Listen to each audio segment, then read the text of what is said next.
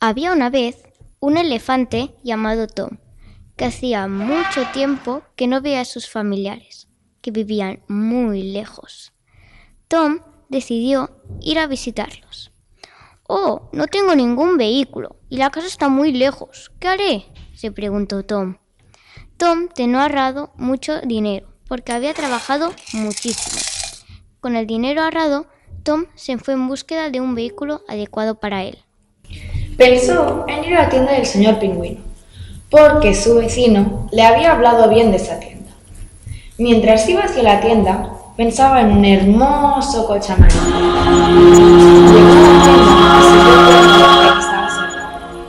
¡Qué decepción! Al lado había otra tienda, la del señor Gorila. Entró a ver qué tenían y Gorila avisó. Lo sentimos, no nos quedan vehículos. Tom, estando muy triste, casi a punto de abandonar, pensó en la tienda del tigre Jerry, que no andaba muy lejos. Cuando llegó, entró con un poco de tristeza, pero cuando levantó la mirada, se sorprendió al ver tanta variedad de, ve- de vehículos y se apresuró a hablar con Jerry. Y el tigre le dijo, Hola, ¿qué vehículo estás buscando? Uno perfecto para mí, que pueda ir muy lejos, respondió Tom. Jerry, el tigre, ya sabía qué vehículos mostrarle. Le mostró tres vehículos, una bicicleta, una moto y un bonito coche amarillo.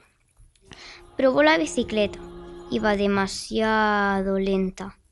Luego probó la moto y al sentarse se rompió. El bonito coche amarillo era el siguiente.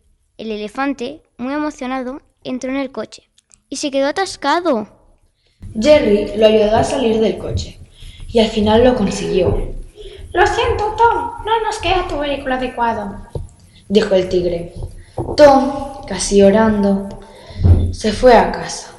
Cuando llegó a casa, recibió una llamada del tigre Jerry, diciéndole que tenía un camión para él. Entonces el elefante se puso muy contento. Él ya había viajado en camión otras veces y sabía que ese sí era un vehículo adaptado a sus dimensiones.